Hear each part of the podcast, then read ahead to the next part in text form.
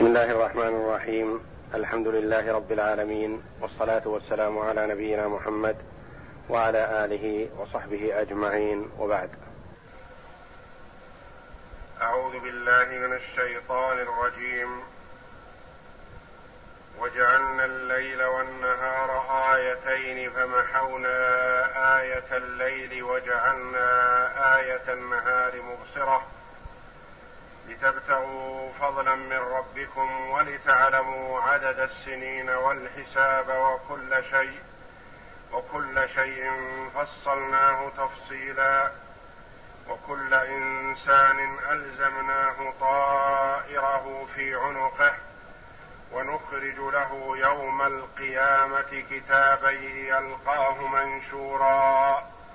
اقرأ كتابك كفى بنفسك اليوم عليك حسيبا.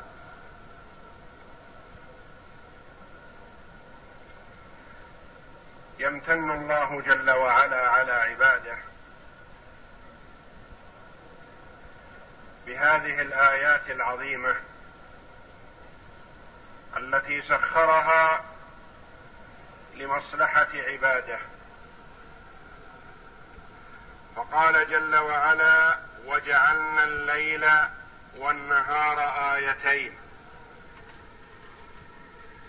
علامتين واضحتين على قدرة الله جل وعلا وعلى وحدانيته وأنه تعالى لا شريك له في الخلق كما لا شريك له في العبودية فهو المستحق للعبودية وحده لا شريك له. وجعلنا الليل والنهار آيتين. سخرهما الله جل وعلا لمصلحة عباده. فمحونا آية الليل. ورد أن الله جل وعلا خلق الليل مضيئا كالنهار.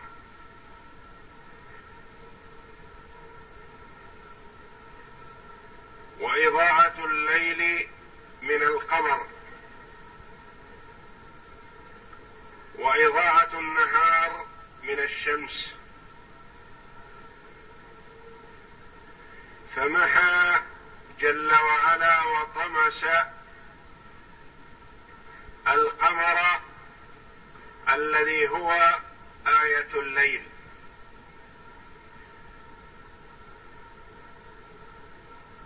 لمصلحة العباد. ليتميز وليبين الليل من النهار.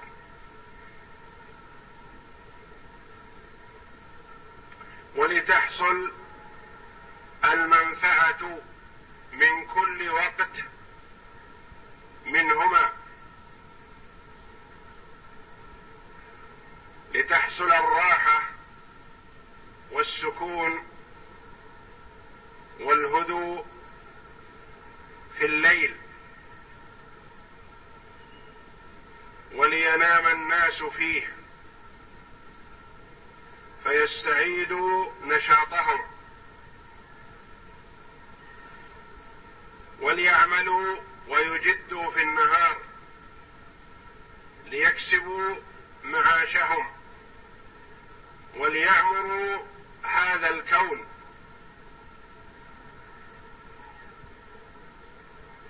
فمحونا آية الليل.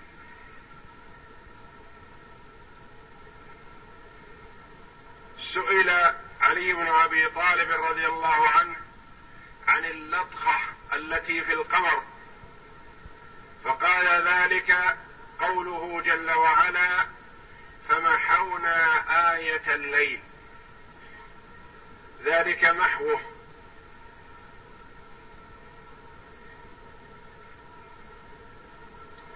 فمحونا آية الليل. آية الآية التي هي في الليل. آية الليل إضافة الآية إلى الليل إضافة بيانية. فمحونا آية فمحونا آية التي هي آية الليل وهو القمر. وجعلنا آية النهار مبصرة التي هي الشمس. يبصر بها الأشياء مضيئة إضاءة كاملة. يستفيد الناس من ذلك. وجعلنا آية النهار مبصرة لتبتغوا فضلا من ربكم. في الإبصار في النهار لينطلق الناس في معاشهم وليعملوا وليكسبوا. لتبتغوا فضلا من ربكم.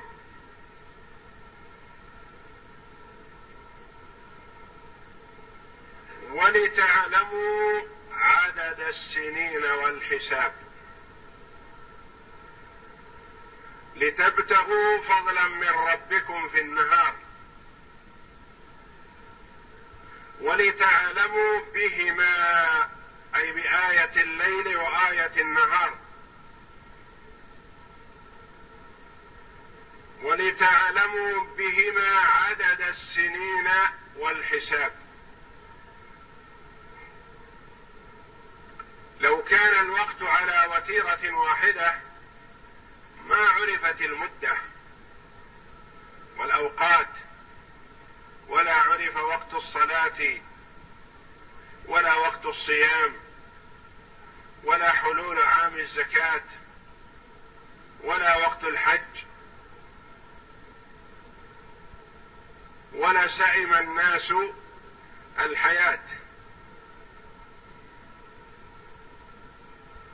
ولكن الله جل وعلا لطف بعباده فجعل الليل والنهار. ليعرفوا الوقت. وقت الصلاة.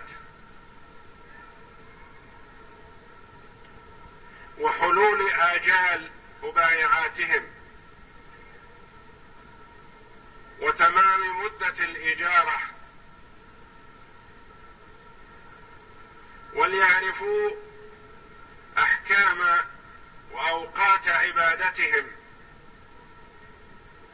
الصيام والحج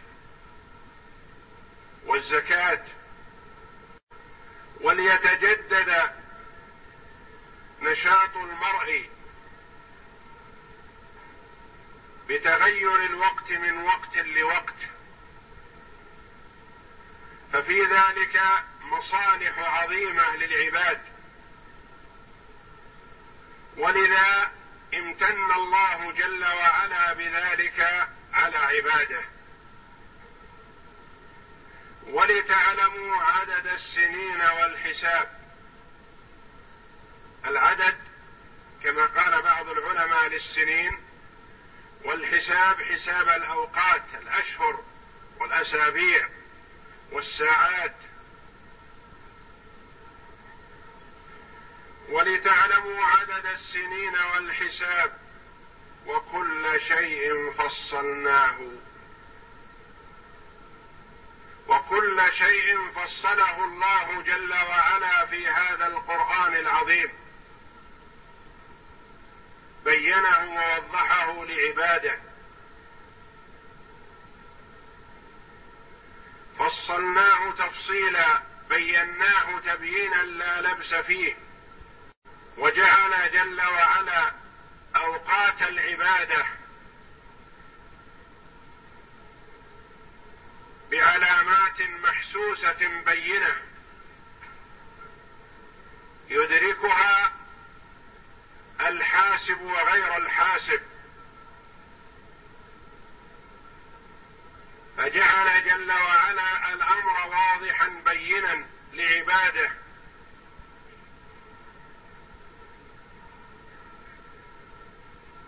ليعبدوا الله جل وعلا على بصيرة وعلم ويقين.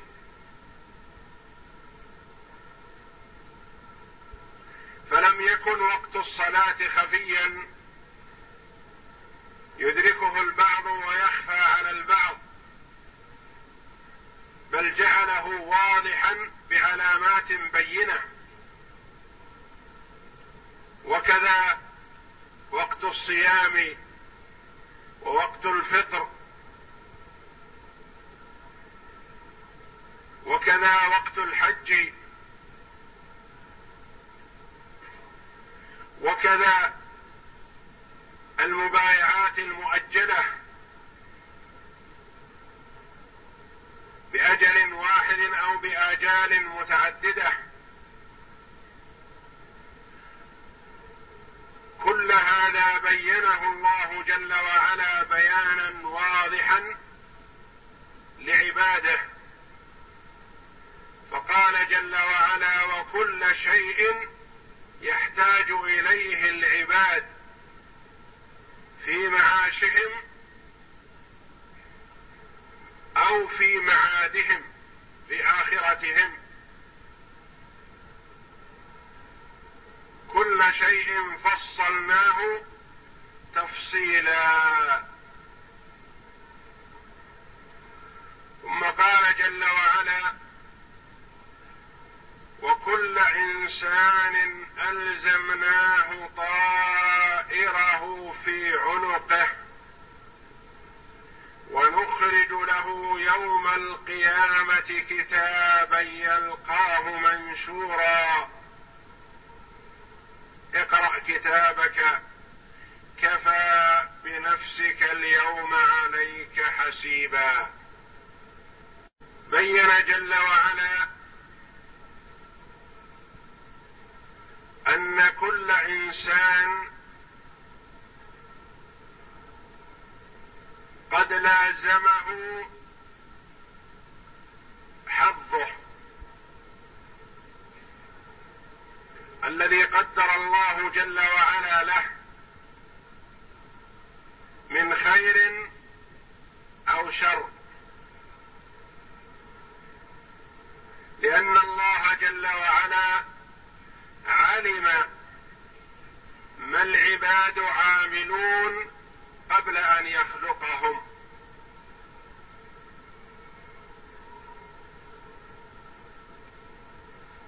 فهذا شقي وهذا سعيد.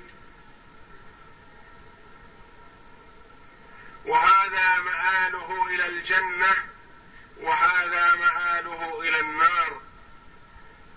ولا يظلم ربك أحدا.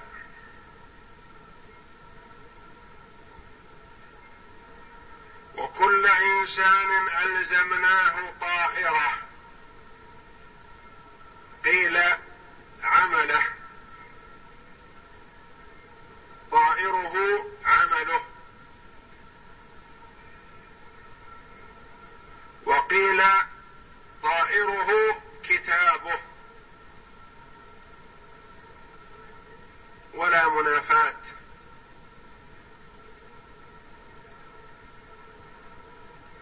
فالكتاب فيه عمله.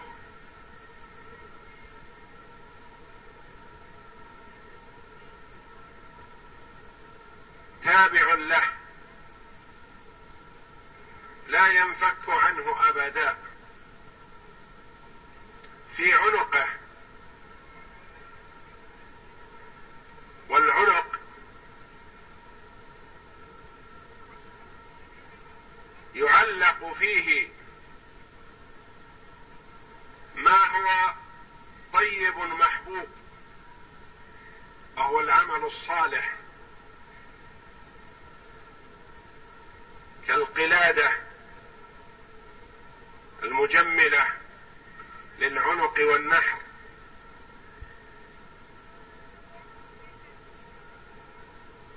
ويعلق فيه الغل المكروه.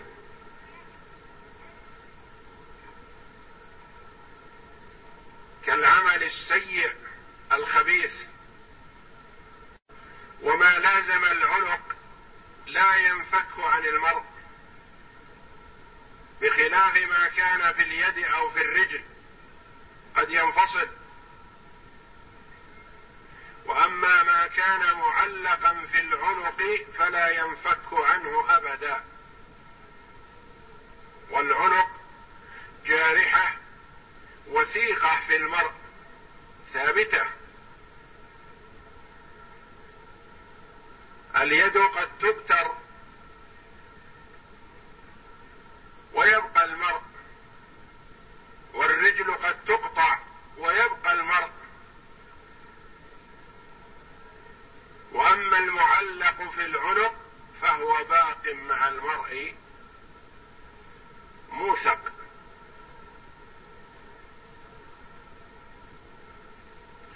وكل إنسان ألزمناه طائره في عنقه.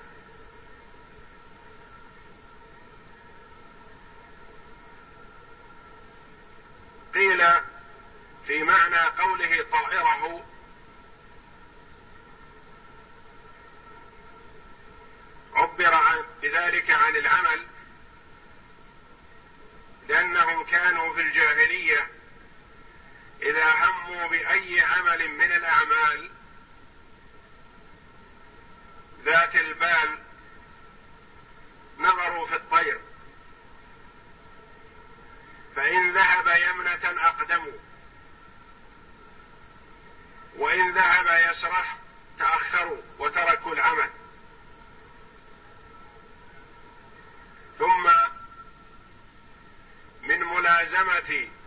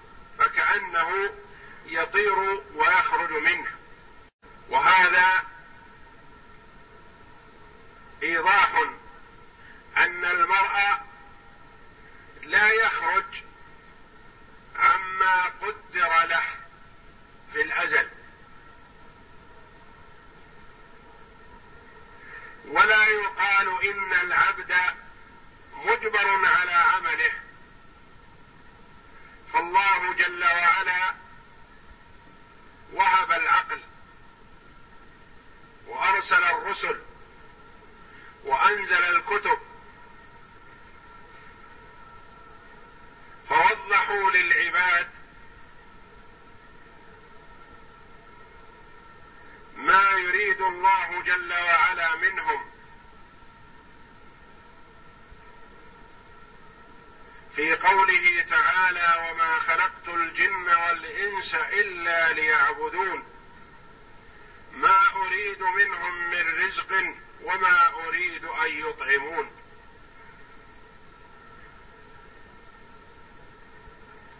فمن العباد من أطاع بتوفيق الله جل وعلا. ومن العباد من عصى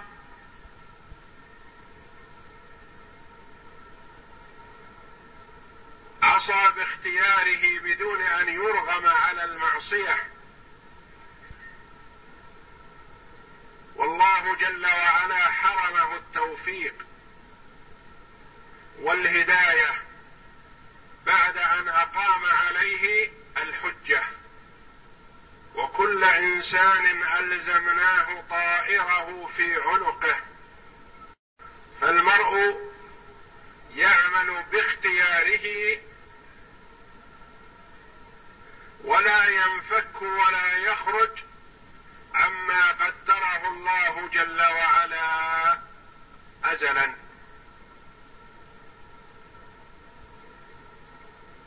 وعلى العبد أن يسأل الله جل وعلا ويتضرع إليه بطلب الهداية والتوفيق والسداد والإعانة على الأعمال الصالحة.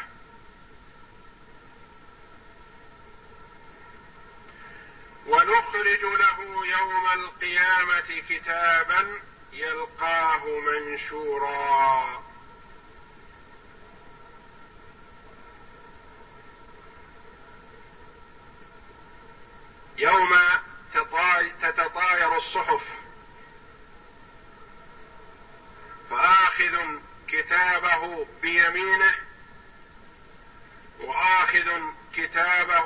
بشماله أو من وراء ظهره.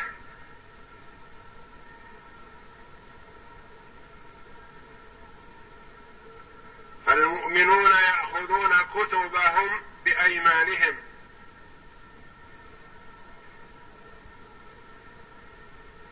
والأشقياء الفجار يأخذون كتبهم بشمالهم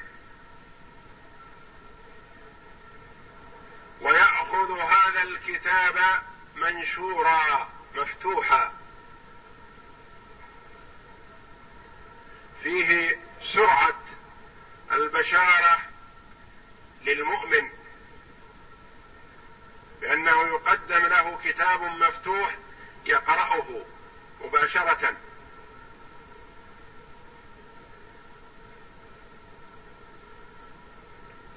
وسرعة السوء للفاجر المعرض عن طاعة الله جل وعلا. فيجد في هذا الكتاب ما يسوءه.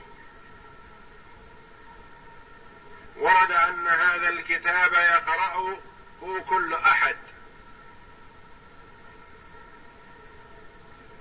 حتى من لم يكن يقرأ في الدنيا يقرأ هذا الكتاب.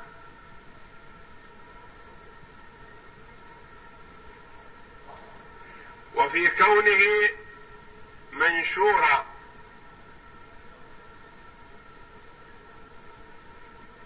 إظهار للخير الذي يعمله المؤمن للناس على رؤوس الأشهاد. يقرأه صاحبه وغير صاحبه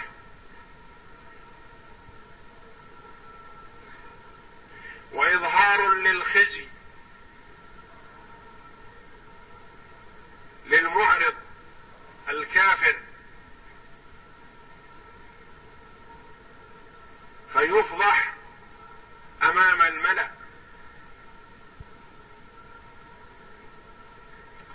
ونخرج له يوم القيامه كتابا يلقاه منشورا باعماله وذلك الكتاب الذي قال الله جل وعلا عنه لا ولا كبيرة إلا أحصاها. وذلك الكتاب الذي كتبه الحفظة.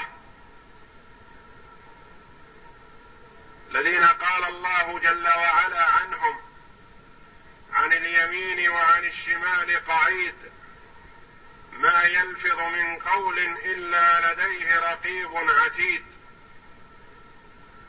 وقال الله جل وعلا وإن عليكم لحافظين كراما كاتبين يعلمون ما تفعلون.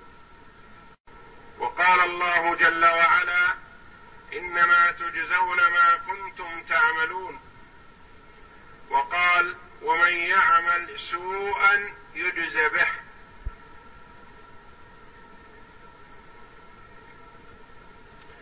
وقال جل وعلا فمن يعمل مثقال ذرة خيرا يره.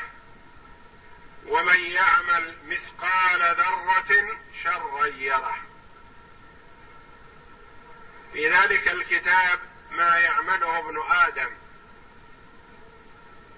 ما يخفى على الناس ويغيب عنهم لا يخفى على الله جل وعلا.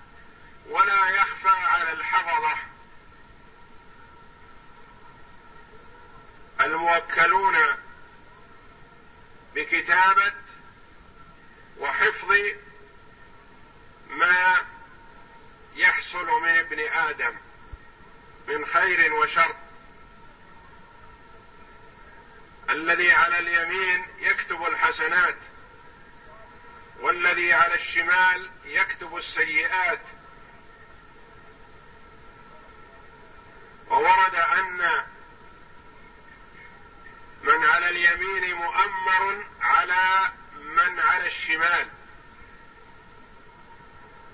فإذا عمل العبد سيئة استأذن من على الشمال استأذن من على اليمين هل يكتب أو لا؟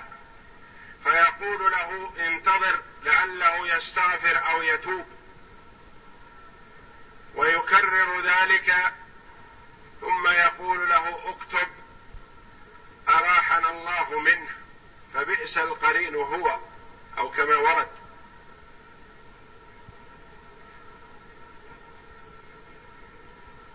والحسنة تكتب عشرا إلى سبعين إلى سبعمائة إلى أضعاف كثيرة.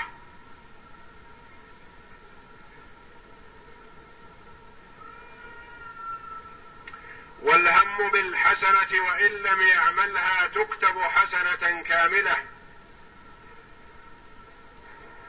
والهم بالسيئة لا يكتب عليه. فإن تركها مخافة الله كتبت له حسنة. ونخرج له يوم القيامة كتابا يلقاه منشورا. يقال له اقرأ كتابك.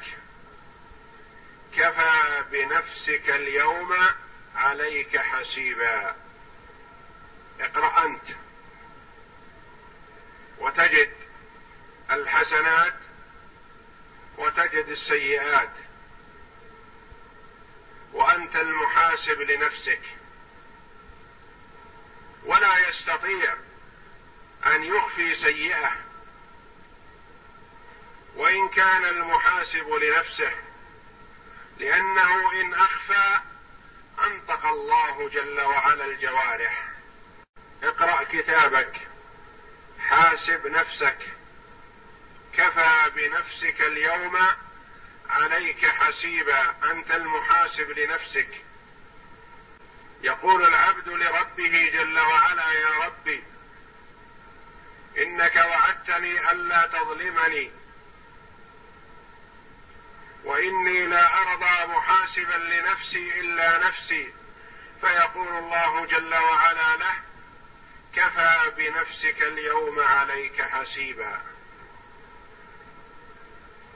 فإن حاول أن يكتم أو يخفي أنطق الله الجوارح يوم نختم على أفواههم وتكلمنا أيديهم وتشهد أرجلهم بما كانوا يكسبون. وقالوا لجلودهم لم شهدتم علينا؟ قالوا أنطقنا الله الذي أنطق كل شيء. وهو خلقكم أول مرة وإليه ترجعون.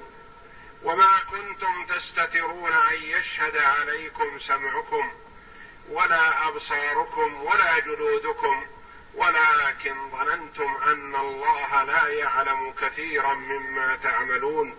وذلكم ظنكم الذي ظننتم بربكم أرداكم فأصبحتم من الخاسرين.